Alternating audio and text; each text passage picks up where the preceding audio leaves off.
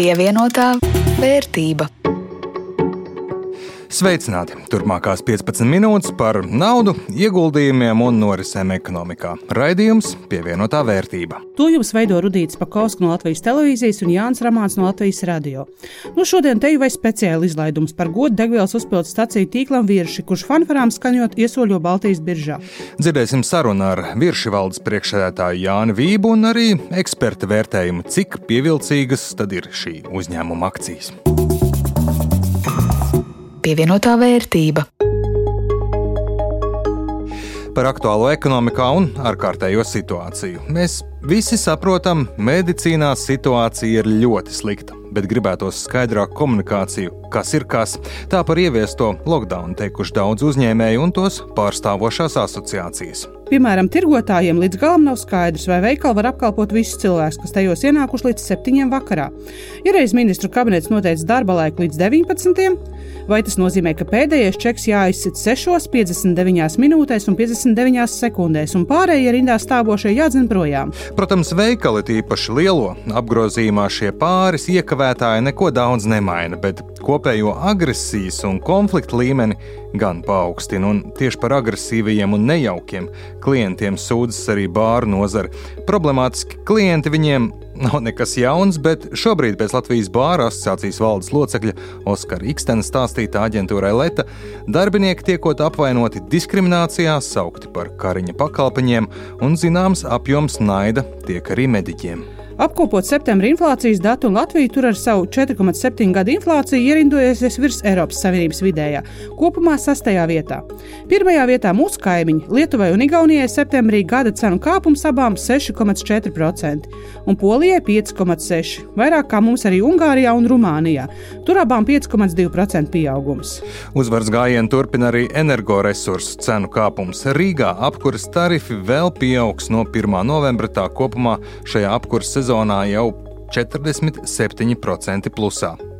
Pieaudzis apkurss tarifs arī daudzās citās Latvijas pašvaldībās, un neaizmirsīsim degvielas cenas. Augšā elektrības cenas ar joprojām tādas, ka maciņš uh, saraujas čokurā, pat tikai iedomājoties vien par gaidāmo rēķinu. Nu, zini, es no sirds ceru, ka vismaz turpinājumā mums būs kāda laba ziņa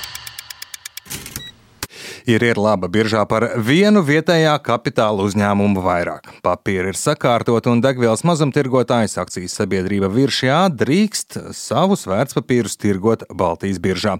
Parakstīšanās uz uzņēmumu akcijām startēs šodien, 25. oktobrī, un ilgs divas nedēļas līdz 5. novembrim.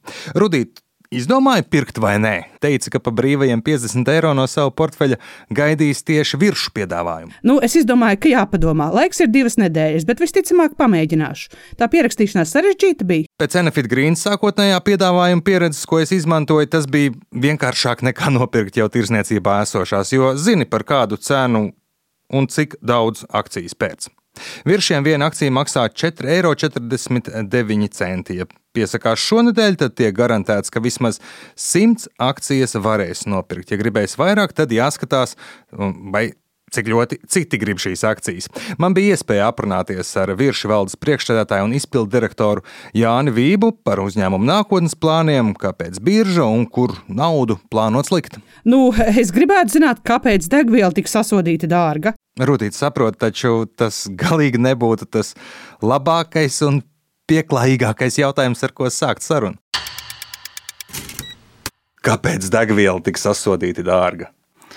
Jā, taisnība. Pašlaik degviela, ja nemaldos, ir diemžēl augstākajā cenu līmenī jau kopš 2012. gada. Tajā laikā vēl bija mums valūta lati, un šī degvielas cena aptuveni arī sasniedz šos 1,5 eiro benzīnam.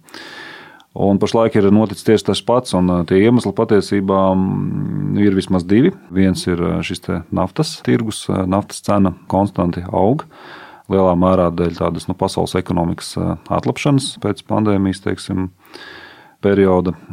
Un otrs, ir, kas jāņem vērā, ir šī te, varbūt daudziem nezināmā, bet tāda biopiedeva, kas ir jāliek klāta degvielai 7% apmērā, un šī biopiedeva arī ir augusi cenā vairāk kā divas reizes. Un tāpēc kopā saliekot šos divus efektus, vēl arī ar to, ka mums ir augstākā akcijas nodokļa likme dīzeļdegvielai Baltijā, nu, diemžēl mēs redzam šīs cenas pieaugumu diezgan pamatīgi. Jā. Ko tas nozīmē uzņēmumam? Labi, slikti, var vairāk pie vis tā nopelnīt, vai tieši pretēji grūtāk to peļņu gūt? Jā, no nu, degvielas tirgu patiesībā ir tā, ka tas uzcenojums uz to degvielas litru viņš patiesībā ir diezgan līdzīgs skatoties pa nedēļām, vai mēnešiem, vai, vai, vai pat, pat pa gadiem. Ja. Un, ja mainās šī naftas cena, tad šis uzcenojums paliek fiksēts, un nu, degvielas tirgotājiem principā nav tādas tiešas varbūt, ietekmes šim naftas cenu kāpumam uz rentabilitāti. Tas, ko, protams, ir jāpiezīmē, ir, ka jo lielākas naftas cenas varētu likties, ka pieprasījums degvielas tirgū varētu mazināties. Bet pašlaik tā diezgan caudabīga situācija tāda, ka ja pirms gada, 20. gada sākumā, kad sākās pandēmija, degvielas cenas ļoti būtiski nokritās, tas degvielas patēriņš patiesībā dēļ tās cenas samazinājuma nebija tā, ka pieauga. Viņš arī šis patēriņš mazinājās. Un tagad ir tieši otrādi. Šis pirmajā pusgadā, vai pat pirmajos astoņos mēnešos, ko mēs redzam, ka degvielas tirgus pārdošanas apjoma mazumtirdzniecībā Latvijā ir auguši par aptuveni 4%. Pat par spīti tam, ka tā cena degvielai ir krietni augstāka nekā varbūt pirms gada, kad šī pandēmija sākās. Cilvēku un ekonomika vairāk kustās. Jā, tagad tieši tā, tā mobilitāte ir noteikti augstāka nekā bija varbūt šī 20. gada sākumā. Bizness arī attīstās. Un, nu, jā, protams, jāatzīmē tas, ka degviela, kā mēs visi saprotam, tā ir pirmās nepieciešamības prece. Un, nu, varbūt nav tas pieprasījums tik elastīgs uz cenas izmaiņu, jo nu, bez degvielas vienkārši nevar pastāvēt ne biznesa, ne arī pārvietošanās. No šodienas var investori pieteikties. Uzņēmuma akciju iegādēji cena 4,49 par akciju eiro valūtā. Nelatos. Gribat šādi piesaistīt teju 7 miljonus eiro. Kāpēc pēc naudas ejiet biržā, nevis piemēram uz banku pēc kredīta, vai vēl jau ir obligācijas kā risinājums, kā piesaistīt finansējumu, vai arī nu, esošie īpašnieki iegulda savu naudu vairāk. Jautājums ļoti loģisks, jo vēsturiski, īpaši pēdējos gados, dēļ finanšu rezultātu nu, būtiskas teiksim, uzlabošanās, mums ir ļoti labas attiecības ar bankām, varam finansēties arī bankās, ko arī nu, daļai darām. Taču šim mēs pieejam nedaudz strateģiskāk. Mēs skatāmies, kā šos finansējuma avotus diversificēt. Un līdz ar to no vienas puses mums būs šis banku finansējums, protams, arī kaut kāda peļņas daļa, kas paliek uzņēmumā, lai finansētu jaunos projektus. Un šis būs tā tāds trešais avots, no kā finansēt šos nākotnes attīstības plānus. Bet, ja runājam par biržu kā tādu, kāpēc mēs ejam, tas jau nav tikai teiksim, šī papildus kapitāla jautājums. Tur ir vēl citi arī teiksim, tādi, nu, mūsuprāt, labumi. Viens no tiem ir tas, ka uzņēmums, par ko arī varam parunāt, droši vien tālāk kļūst krietni tāds sakārtotāks un caurspīdīgāks šajā ceļā. Jo, nu, lai tiktu uzņemts šajā klubiņā, ja tā var teikt, tur tomēr jāveic diezgan garš mājas darbu saraksts. Un vēl noteikti jāpiemina arī tas, ka birža dod tādu unikālu diezgan iespēju mūsu klientiem, kas kļūst par uzņēmumu līdzīpašniekiem. Protams, ka mēs tādā veidā varam viņus diezgan labi caur šiem lojalitātes paņēmieniem nodrošināt to, ka šie klienti mums kļūst vēl lojālāki. Jo kāpēc gan lai lietu degvielu kādā citā konkurentā, ja ir iespēja to darīt savā uzņēmumā? Tas mārketinga kanāls Jā. savā ziņā jūs to redzat. Jā, viennozīmīgi. viennozīmīgi. Tad jūs savā ziņā tādi celmlauži šajā jomā plānojat būt. Uh, nu, tā, jā. Ir pāris piemēru. Ir pāris, biežāk, piemēram, Madara kosmetikas ļoti jā. labi to izmanto. Jā, tieši tā. Tāpat arī, protams, pirms pāris nedēļām dzirdējām arī šo Delfīnu grupas stāstu. Uh, Un eh, viennozīmīgi, viennozīmīgi tas, ko mēs redzam, ka Baltijas tādā kontekstā eh, tā finanšu pratība, ja tā var teikt, Latvijā nu, ir eh, teiksim, ne tādā līmenī, kā mēs varbūt gribētu, un, un tādā līmenī, kāda tā ir kaut vai Igaunijā vai Rietumē Eiropā. Ir pat noteikti nu, tādi mērvienības, kur mēs skatāmies, piemēram, to biržas kotēto uzņēmumu kapitalizāciju, jeb valuāciju kā procentu no iekšzemes koprodukta, nu, tajā rādītājā Latvija ir pašā, pašā apakšā. Ja? Tas nozīmē, ka potenciāls biržai arī valsts ekonomikā Latvijā ir ārkārtīgi joprojām liels, un arī tas arī ir publiska informācija. Arī Delfīna grupas gadījumā mēs redzam, ka vairāk kā 70% no privātpersonām, kas parakstījās uz akcijām, tie nāca no Igaunijas, nevis no Latvijas, kas nu, liekas, ka varbūt ir nedaudz dīvaini, bet tā ir realitāte. Tāpēc Latvijai šī finanšu pratības potenciāls noteikti vēl ir ļoti liels. Un, jā, mēs esam celmoži, bet tajā pašā laikā redzam, ka tā pratība finanšu palielinās un domājam, ka viss būs kārtībā. Jau pieminējāt, vairāk kārt Delfīna grupu pēdējos četrus gadus Rīgas biržu uzņēmumi, nu, teiksim, godīgi, vairāk ir pametuši, teikuši, pa daudz tās prasības no biržas, pa dārgu un neatmaksājās. Bet šodien redzam, ka Baltijā tie sākotnēji akciju piedāvājumi, tā kā tāda no pārpilnības raga ir Delfīna grupa jūs pieminētais, Igaunija Enefit Green, samērā veiksmīgi, tīpaši Enefit gadījumā, kur pieprasījums pēc akcijām stipri pārsniedz to, ko piedāvāja. Nebaida jūs, ka šie potenciālie investori varētu būt jau patērējušies iepriekšējās nedēļās, un līdz ar to mazāk varētu būt ieinteresēti, piemēram, virsmu piedāvājumā? Nē, noteikti nē, jo mēs uztveram ļoti pozitīvi, ka tādi gadījumi notikuši arī pirms mums. Jo pirmkārt, kā minēju, tas tomēr dod tādu finanšu pratības nu, veicinošu teiksim, vidi. Un, ja cilvēks varbūt vēl pirms pusgada nezināja, kas ir vērtspapīra konts, tad pēc šiem pēdējiem notikumiem es ceru, ka jau ar vien vairāk par to domā un ar vien vairāk analizē to tirgu. Un otrs ir, protams, ka, nu, lai arī tas klientu segments primārais, kas mums ir, ir, protams, privātpersonas, nu, parasti jau nav tā, ka privātpersonas saliek visus savus iekrājumus vienā, saka, groziņā un, un tad, saka, cer, ka viss būs labi. Ja. Parasti jau tā tomēr ir pārdomāta tāda politika, kur es domāju, ka tieši um, vajadzētu nu, privātpersonām iet uz to, ka ir diversifikācija šajās investīcijās. Ja ir viena nozara, otra nozara, trešā, un tādā veidā jau tas portfels paliek diversificēts. Un, un, un es domāju, ka mēs ar savu šo klātbūtni to arī veicināsim. Galvenokārt jūs cerat uz uh, privātajiem investoriem? Jā, mūsu mērķis uh, primārais tomēr ir uh, panākt tādu daudzskaitlīgu šo mazo investoru skaitu jo tas iet roku rokā ar to mūsu stratēģiju, ka tādā veidā mēs arī šos klientus varam padarīt eh, vēl lojālākus eh, klientus eh, mūsu uzņēmumam. Leju degvielu viršos, ja esmu iegādājies akcijas, jo tā es potenciāli palielinu peļņu Tieši. un varētu manas akcijas kļūt vērtīgākas un, Precīzi, jā. un varbūt arī dividendes saņemt. Jautājums, ja jau es jums, vai potenciālais investors, dod jums naudu, jautājums ir, ko jūs ar to plānojat darīt, un vai tā mana nauda pie jums nopelnīs vairāk? Jā, tātad, ko mēs domājam darīt ar šo piesaistīto kapitālu? Tie attīstības plāni mums ir pietiekami nu, ambiciozi, un um, šī nozare patiesībā ir diezgan kapitāla nu, smaga, ja tā var teikt. Ja ir jāveic diezgan daudz uh, investīcijas, ja, ja ir vēlme attīstīties, gan būvējot jaunas stacijas, gan investējot jaunos produktos. Un tāpēc tas primārais, ko mēs tagad uh, redzam tieši attiecībā uz šo biržā piesaistīto kapitālu, Tas plāns ir investēt šo kapitālu alternatīvo degvielas veidu piedāvājuma izstrādē un pilnveidošanā. Jo, ko mēs redzam, Eiropas klimata politika ļoti skaidri pasaka to, ka nākotnē ir jāvirzās uz mazāku CO2 izmešu, tā saucamo pēdu. Respektīvi, mazāk liesim degvielu bākās un dīzeļdegvielu pēc iespējas mazāk un brauksim ar elektrību varbūt vēl kādiem. Jā, tas ir viens no tiem virzieniem, bet arī, protams, viss ir nu, detaļās, jo, ja viegliem segmentam, nu, pat lielākie optimisti, protams, paredz, ka nu, šis segments attīstīsies Latvijā, bet nu, vienalga līdz 30 gadam viņš diez vai pārsniegs aptuveni 10% no tirgus pēc automašīnu skaita, jo kopumā šis lietoto automašīnu skaits un vecums Latvijā nu, ir teiksim, vecākais Eiropā. Tur nenotiks tāds brīnums, ka vienā naktī viss sāks ar elektromašīnām braukt. Bet smagajā segmentā tur savukārt ir tā, ka tie elektrības risinājumi pašlaik nav vēl pilnībā gatavi. Un tāpēc eh, ir mūsu strateģiskais redzējums, eh, un ko mēs arī šo kapitālu plānojam tātad, eh, atbalstīt, ir tas, ka vieglais segments, jā, mēs ejam jau tagad laicīgi uz priekšu ar šīm elektrouzlādes infrastruktūras attīstību.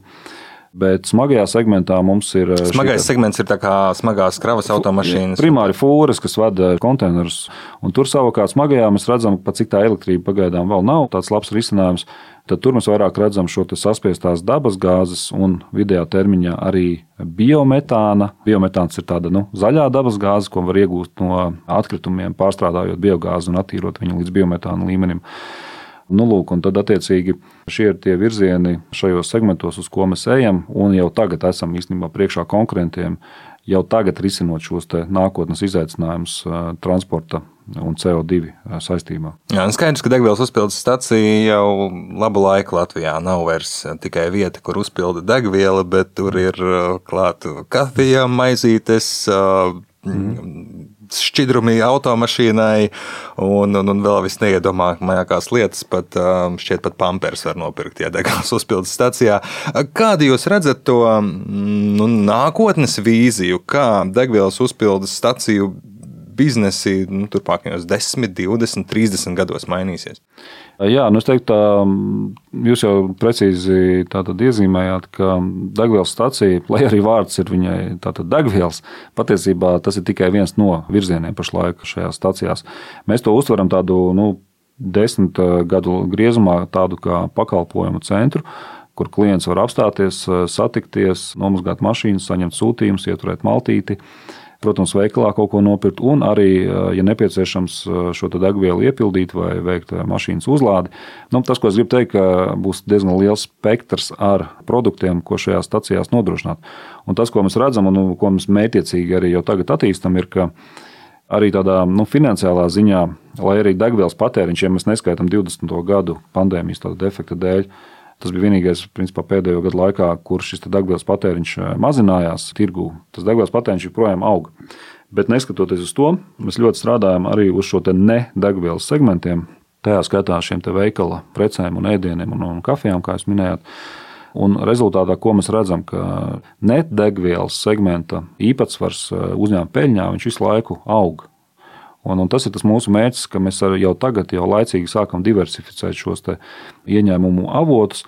Lai tad, tajā tālākajā nākotnē, nu, pēc 15, 20 gadiem, kad dīzeļdegvielas dominance nu, tiešām sāks mazināties, lai mēs jau būtu laicīgi izdarījuši mājas darbu un šis biznesa plāns varētu pielāgoties jaunajai realitātei. Bet tad es pēc 30 gadiem iebraucu virsmu degvielas uzpildes stacijā, ar ko un ko es tur daru? Es domāju, ja jūs esat vieglā automašīna, visticamāk, nesmagā, tad pirmais, ko jūs droši vien varat izdarīt, ir uzlādēt automašīnas elektroakumulātoru ar ļoti jaudīgu iekārtu, daudz ātrāk nekā to varētu izdarīt mājās. Protams, ka jūs paņemat kādu varbūt maltīti un kafiju, ja tas ir tāds skrējiens, saņemat kādu sūtījumu no pasta, nomazgājat mašīnu un visticamāk, uz to periodu būs vēl papildus piedāvājumi, par ko mēs pašlaik vēl nu, nevaram pateikt. Citi enerģijas veidi, jūs arī pieminējāt mm. vairākus. Daudz tiek runāts par nu, šo elektroautorātu, bet ir arī citi alternatīvi enerģijas veidi. Um, jūs redzat, varbūt, kurš jums šķiet tādi um, nu, perspektīvākie, kur varbūt uh, citi konkurenti ignorē, bet, bet tur ir mhm. iespējas. Mm. Jā, nu pašlaik, kā es iezīmēju, vieglajos elektrības, domāju, turpinās attīstīties. Un, uh, Tikai tā jāsaprot, ka tas nenotiks pa nakti, ka pēkšņi visi būs elektroautomašīnas. Nu, bet optimisti, kas varētu arī būt reāli, iezīmē to, ka no ap 10% no Latvijas vieglo autoparka 30. gadā varētu būt elektromašīnas. Smagajiem tā bilde, protams, ir nu, sarežģītāka. Tur tuvāko 10-15 gadu laikā, es domāju, vien lielāks fokus būs šo saspiesto dabasgāzi, un arī biometānu, un arī sašķidrināto dabasgāzi. Jo nu, citi risinājumi pašlaik tur nav īsti ekonomiski pamatoti, bet šie risinājumi savukārt ir gan ekonomiskāki, gan arī dabai nu, teiksim, draudzīgāki nekā esošais dīzeļdegvielas variants. Vēl tādā nu, bišķiņā tālākā nākotnē, protams, ka redzam, ka notiek intensīvs darbs daudz kur ar šo ūdeņradi kā degvielas veidu, taču nu, tur vēl ir jāpastrādā, jo tā matemātika pašlaik ūdeņradim kā degvielai, nu, viņa vienkārši nestrādā. Viņš ir pārāk dārgs degvielas veids pārāk liels. Līdz ar to ir investīcijas jāveic uzņēmējiem, uzpilžu staciju izveidošanā, kur var tirgot ūdeņradī, jo tas nav lēts prieks. Tāpēc ehm, es teiktu, tā, nu, tādā vidējā termiņā tā tomēr ir dabasgāze, biometāns. Un tad nedaudz tālākā jau varam runāt par ūdeņradi, tieši smagajiem segmentam. Vieglajiem, protams, ka tur pakāpeniski iet visu uz elektrifikāciju. Zaļais kurs jūsu uzņēmumam nozīmē pamatīgas investīcijas, mm. kuras nav īsti skaidrs, vai varēs atpelnīt. Zaļais kurs nu, mums kā uzņēmējiem patiesībā neviens lēmums nenotiek tīri tādas nu, PR vai dēļ nu, kādiem tādiem nu, paziņojumiem. Visa pamatā, protams, ir diezgan detalizētāks aprēķins, vai šī investīcija, ko mēs veicam, vai viņa ir dzīvotspējīga un, un pelnītspējīga. Un patiesībā arī ar šo dabasgāzes stāstu, kad mēs viņu sākām, tirgus vēl Latvijā īstenībā neeksistē, lai arī Eiropā visur jau šīs mašīnas jau cirkulē. Mēs ļoti skaidri zinājām, ka tas tirgus sāks attīstīties, un mēs šo investīciju varēsim atgūt nu, teiksim, pārskatāmā periodā atpakaļ. Tāpēc zaļais kurs, kā mēs viņu īstenojam, attīstot šos alternatīvos degvielas veidus, es tomēr uzsveršu, ka tas nav tāds pjārs, tas ir tiešām tāds pārdomāts lēmums, jo mēs skaidri ticam, ka nu, tas tā notiks un veicam tos soļus jau ātrāk varbūt nekā daži citi konkurenti lai jau laicīgi radinātu klientus pie šiem CO2 draudzīgākiem degvielas veidiem. Atgriežoties pie iešanas biržā, mm, runājot ar uzņēmējiem, kuri iet prom no biržas, jā, viņi arī atklāti teikuši, lai būtu biržā, tev jābūt sakārtotam. Kārtība arī maksā, varbūt ilgtermiņā atmaksājās, bet sākotnēji tā ir izdevumi. Otrkārt, tev jābūt ļoti atklātam, visa informācija jāpasniedz publiski, līdz ar to konkurenti par tevi visu zina, kamēr tu kā viņiem iet, var tikai apmēram nojaust. Kā jūs uz šiem jautājumiem skatāties no jūsu puses? Uh, tas ir ieguvums, mīnus, un, un, un vai viņi tādajā tajā balansā nostājoties ir tajā ieguvuma pusē, vai tomēr? Nu, es teiktu, tā mēs esam, manuprāt, apkopojuši labākos cilvēkus, kas tirgu pieejami pašlaik mūsu uzņēmumā. Un tās ambīcijas mums ir pietiekami lielas. Mēs absolūti nebaidamies ne no viena konkurenta. Mēs skaidri zinām, ka to plānu, ko mēs īstenojam, ir ļoti loģisks un ar kapitāla atdevi pamatojošs process. Un, um, es jau teiktu, tā, ka paskatieties kaut vai uz to rietumu Eiropu un Ameriku, un visur, kur šie gan IPO, gan biržas nozare ir krietni, krietni attīstītāka. Tas jau vien rāda, ka nu, uzņēmums, kurš ir caurspīdīgs, sakārtots un labi pārvaldīts, to varbūt grūti tā kvantificēt uzreiz, bet nu, ilgtermiņā tas padara viņu spēcīgāku. Un um, mums ir absolūta pārliecība par to, ka tas būs arī mūsu gadījumā. Mēs tāpēc jau esam jau kļuvuši jau krietni caurspīdīgāki un labāk pārvaldīta varbūt nekā agrāk. Un es domāju, ka tas eh, dod tādu eh, rezultātu arī biznesa attīstībā, nu, ko mēs jau tagad redzam. Jā, gan publiskajā retorikā, gan ielūkojoties esošo akcionāru īpašnieku kas, kas tie tādi ir. Ir skaidrs, ka tāds patriotisks uzņēmums ar vietējo kapitālu. Kā ir vietējiem kapitālam konkurēt, ņemot vērā, ka tirgus līderi mums šobrīd ir ārvalstu kapitāla? Mm. Mēs jūtamies ļoti labi. Mums ir pilnīgi skaidrs plāns, kā mēs 3 līdz 5 gadu laikā apsteigsim šos līderus. Par to man nav šaubu, jo mēs strādājam apakšā pie ļoti pamatīgiem teiksim, projektiem. Nevienmēr viņi ir publiski.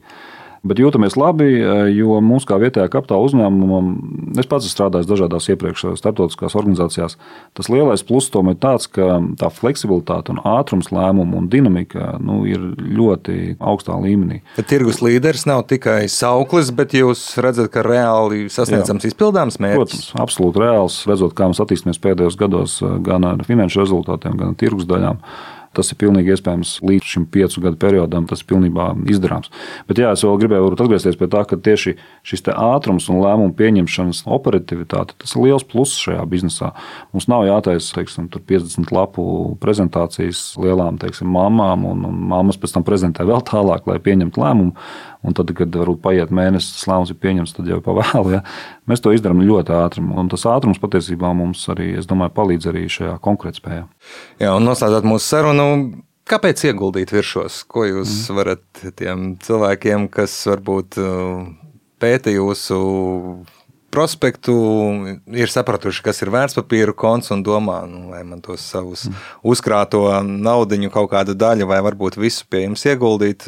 Jā, es nosaukšu pāris tos uh, iemeslus. Nu, izklausīšos varbūt kā tāds mārketinga cilvēks, bet uh, tomēr pirmais. Vīrši vienmēr ir bijuši vietējā kapitāla uzņēmums, un tas ir uzņēmums, kas uh, katram ir redzams. Nu, tepat uz vietas. Ja. Tas nav kaut kas tāds ezotērisks, ko nevar īsti saprast, kas pa uzņēmumu tur kaut kur varbūt aiz okeāna. Ja. Ļoti konkrēti viņš ir tepat, var ieiet iekšā, redzēt, kāda ir rezultāta, kāda ir attīstība. Otrs, arī šīs vēsturiskās attīstības tendences mums ir ļoti eh, pozitīvas. Jebkurš var paņemt mūsu gada pārskatu pēdējo gadu un redzēt, ka tā dinamika finanšu rezultātos, eh, tirgus daļās, apgrozījumos, nu, ir ļoti strauji uzlabojusies, kas, protams, nodrošina nu, tādu argumentu par to, ka tā investīcija un akciju cena līdz ar to arī nākotnē vajadzētu turpināt attīstīties pozitīvā gultnē, jo arī šie nākotnes strateģiskie plāni mums ir ambiciozi un, un manuprāt, pilnībā loģiski un realizējami. Bet nu, varbūt otrs, trešais punkts ir tāds, ka šī akcionāru lojalitātes programma saucamā, tātad ik viens, kurš iegādāsies vismaz 100 akcijas vai vairāk, Tas ir apmēram 500 eiro vērtībā. Tas ir jā, nu, 450 aptuveni. Jā. Tad, ja šajā vērtībā mazais investors iegādājās šīs akcijas, tad viņš saņem šo lojalitātes labumus, kas iekļauj gan būtiski lielāku atlaidi degvielai, gan būtiski lielāku atlaidi kafijai, ēdieniem un citām precēm veikalā gan arī iespēju saņemt dažādus reizi, teiksim, ceturksnī vai pusgadā produktus jaunus un iepazīties ar uzņēmumu vēl vairāk. Tas mūsu mērķis panāk, ka šie investori, viņi apmeklējot mūsu šīs stācijas, viņi tiešām jūtās kā kā mājās, un viņi arī var, un tagad jau arī mums ir izveidoti tādi instrumenti, kā šie investori mazie var dot savu saucamo feedback, jeb atsauksmes, ko viņi redz, kā vēl varētu pilnveidot šo uzņēmumu. Jo pilnveidošana ir nepārtraukts process, to var darīt visu laiku. Dzirdējāt interviju ar akcijas sabiedrības virsā valdes priekšsētāju un izpildu direktoru Jānu Vību. No šodienas var pieteikties šī uzņēmuma akciju iegādē un var piebilst, ka plašāka intervija, tostarp vīzija par to, kāds izskatās degvielas uzpildes stacija pēc gadiem 30 ar kādu auto tur iebraucam vai ielidojam, ir dzirdama raidījuma raidieraksta versijā. Nu, Rudīt, ir jau kādas domas tad šobrīd skaidrākas pirkt vai nē? Nu, skaidrs, ka uzņēmums grib palielināt savu kapitālu, lai tā akcijas pērk un iespējams uzņēmumam no tā būs labāk bet vai pircējiem, nu, tas ir investoriem, kā piemēram es, arī būs labums. Palasīšu vēl apstiprināto prospektu, veikšu savu izpēti, citiem arī tā iesaku darīt, un prasītos dzirdēt arī mūsu ieguldījuma eksperta Kaspar Peisnieka domas. No vienas puses ir tāda mazliet, neteiksim, gluži vilšanās, bet ir tas par to, ka piedāvājums ir salīdzinoši neliels. Varbūt ņemot vērā iepriekšējā mūsu IPO pieredze Latvijā varbūt beigās kaut ko mazliet, ja tā var teikt, noraustījās un izdomāja mazāk kapitālu piesaistīt, bet tā kopējais piesaistāmais kapitāls, ja nemaldos, bija ap 7 miljoniem eiro. Virsu gadījumā, protams, ir ļoti labi, ka ir skaidrs, kur to izmantos, un tas būtībā ir eh, būvēt jaunas degvielas uzpildes stacijas, palielināt apgrozījumu, savu tirgus daļu, un eh, tas viss ir eh, ļoti labi. Savukārt no ieguldītāja viedokļa jautājums ir, cik mēs daudz varēsim tās akcijas nopirkt ja tas piedāvājums ir eh, salīdzinoši neliels, cilvēkiem eh, IPO patīk, un, eh, un šeit šis tāds izskatās diezgan interesants, un līdz ar to domāju, ka pieprasījums varētu būt diezgan liels pēc akcijām. Ja runā par to, vai akcijas ir lēti vai dārgi vai pievilcīgi novērtētas, tad manā skatījumā viņas ir novērtētas salīdzinoši pievilcīgi, salīdzinot ar uh, globāliem spēlētājiem, salīdzinot ar spēlētājiem uh, ASV. Protams, vienmēr jāņem vērā, ka mums Latvijā ir cita likviditāte, tāpēc ir kaut kādi diskonta faktori, un, un akcijas var būt lētākas, bet tā kopumā, ja skatāmies uh, uzņēmuma vērtību pēc IPO un iepriekšējā 12 mēnešu peļņu, tur jau izskatās pievilcīgs šis rādītājs, skatāmies nākamos gadus, ja viņi spēs sasniegt uzstādītos mērķus, tad šis rādītājs izskatās vēl pievilcīgāks. Un uh, tad kopumā es varētu vērtēt, ka man akcijas šķiet uh, pievilcīgas, un es pats personīgi arī plānoju piedalīties tas kā papildus atruna. Un uh, jā, šī akcionāra programma, manuprāt, ir ļoti, ļoti labs lēmums.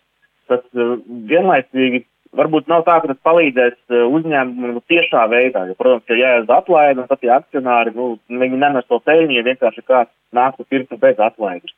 Bet uh, tas, kas nāk bonusā, ir visi šie akcionāri, viņi lielākā vai mazākā mērā kļūst par uh, uzņēmumu bezmaksas vai nosacīti zemes maksas mārketingu. Un ja kurš kuram šāda karte būs ar, ar uh, īpašo atlaidi, visticamāk vīri savā starpā pārunās par to, nu, kur tu kā redzēsi, akcionārs un man ir atlaide, ja, un tas ir varbūt labāk pildies pie manis, ja, lai pie savējiem nauda paliek, tā teikt. Runājot ar Igauniem, viņiem ir ļoti populāri iet uz uh, Igaunijas kapitāla bankām, LKV un Kopu bankām, tāpēc, ka tās ir vietējo bankas. Un tas ir pat, nu, tā kā kļuvuši stilīgi un moderni to, ka tu aizēji prom no lielajiem skandināviem un esi tur, un te varētu būt uh, līdzīga situācija. Un uh, te par labu, protams, nāk tas, ka viņi plāno attīstību, un viņiem ir jāattīstās, jo tiešām daudzās vietās viņiem pārklājums ar degvielas uzpildes stacijām nav uh, nu, īpaši liels, ja tā var teikt. Un, eh, un te būs eh, vienlaicīgi izaicinājums. Un no otras puses, es domāju, ka, ja viņi labi izpildīs šo posmu, tad varētu būt arī tāda iespēja, ka pat ja tiem, kuriem būs izdevies salīdzinoši magas akcijas nopirkt šobrīd, tad es domāju, ka viņiem pēc dažiem gadiem noteikti vajadzēs vēl emitēt akcijas, lai, lai vēl straujāk palielinātu savu izaugsmu. Un tā tādās reizēs parasti priekšroka te ir dot esošajiem akcionāriem, tad es domāju, tas varētu būt tāds ilgtermiņa gājiens, jeb sadarbības starp akcionāriem un, eh, un operatoriem. Piebildīšu, ka Kaspars puspajokam teica, ka degvielas uzpildes stacijas mūsdienās vairs neviens nevērtē pēc degvielas kvalitātes, ko tā lej, bet gan pēc tā, cik tur ir ēdami burgeri, hotdogi un vai kafija dzeram. Pievienotā vērtība.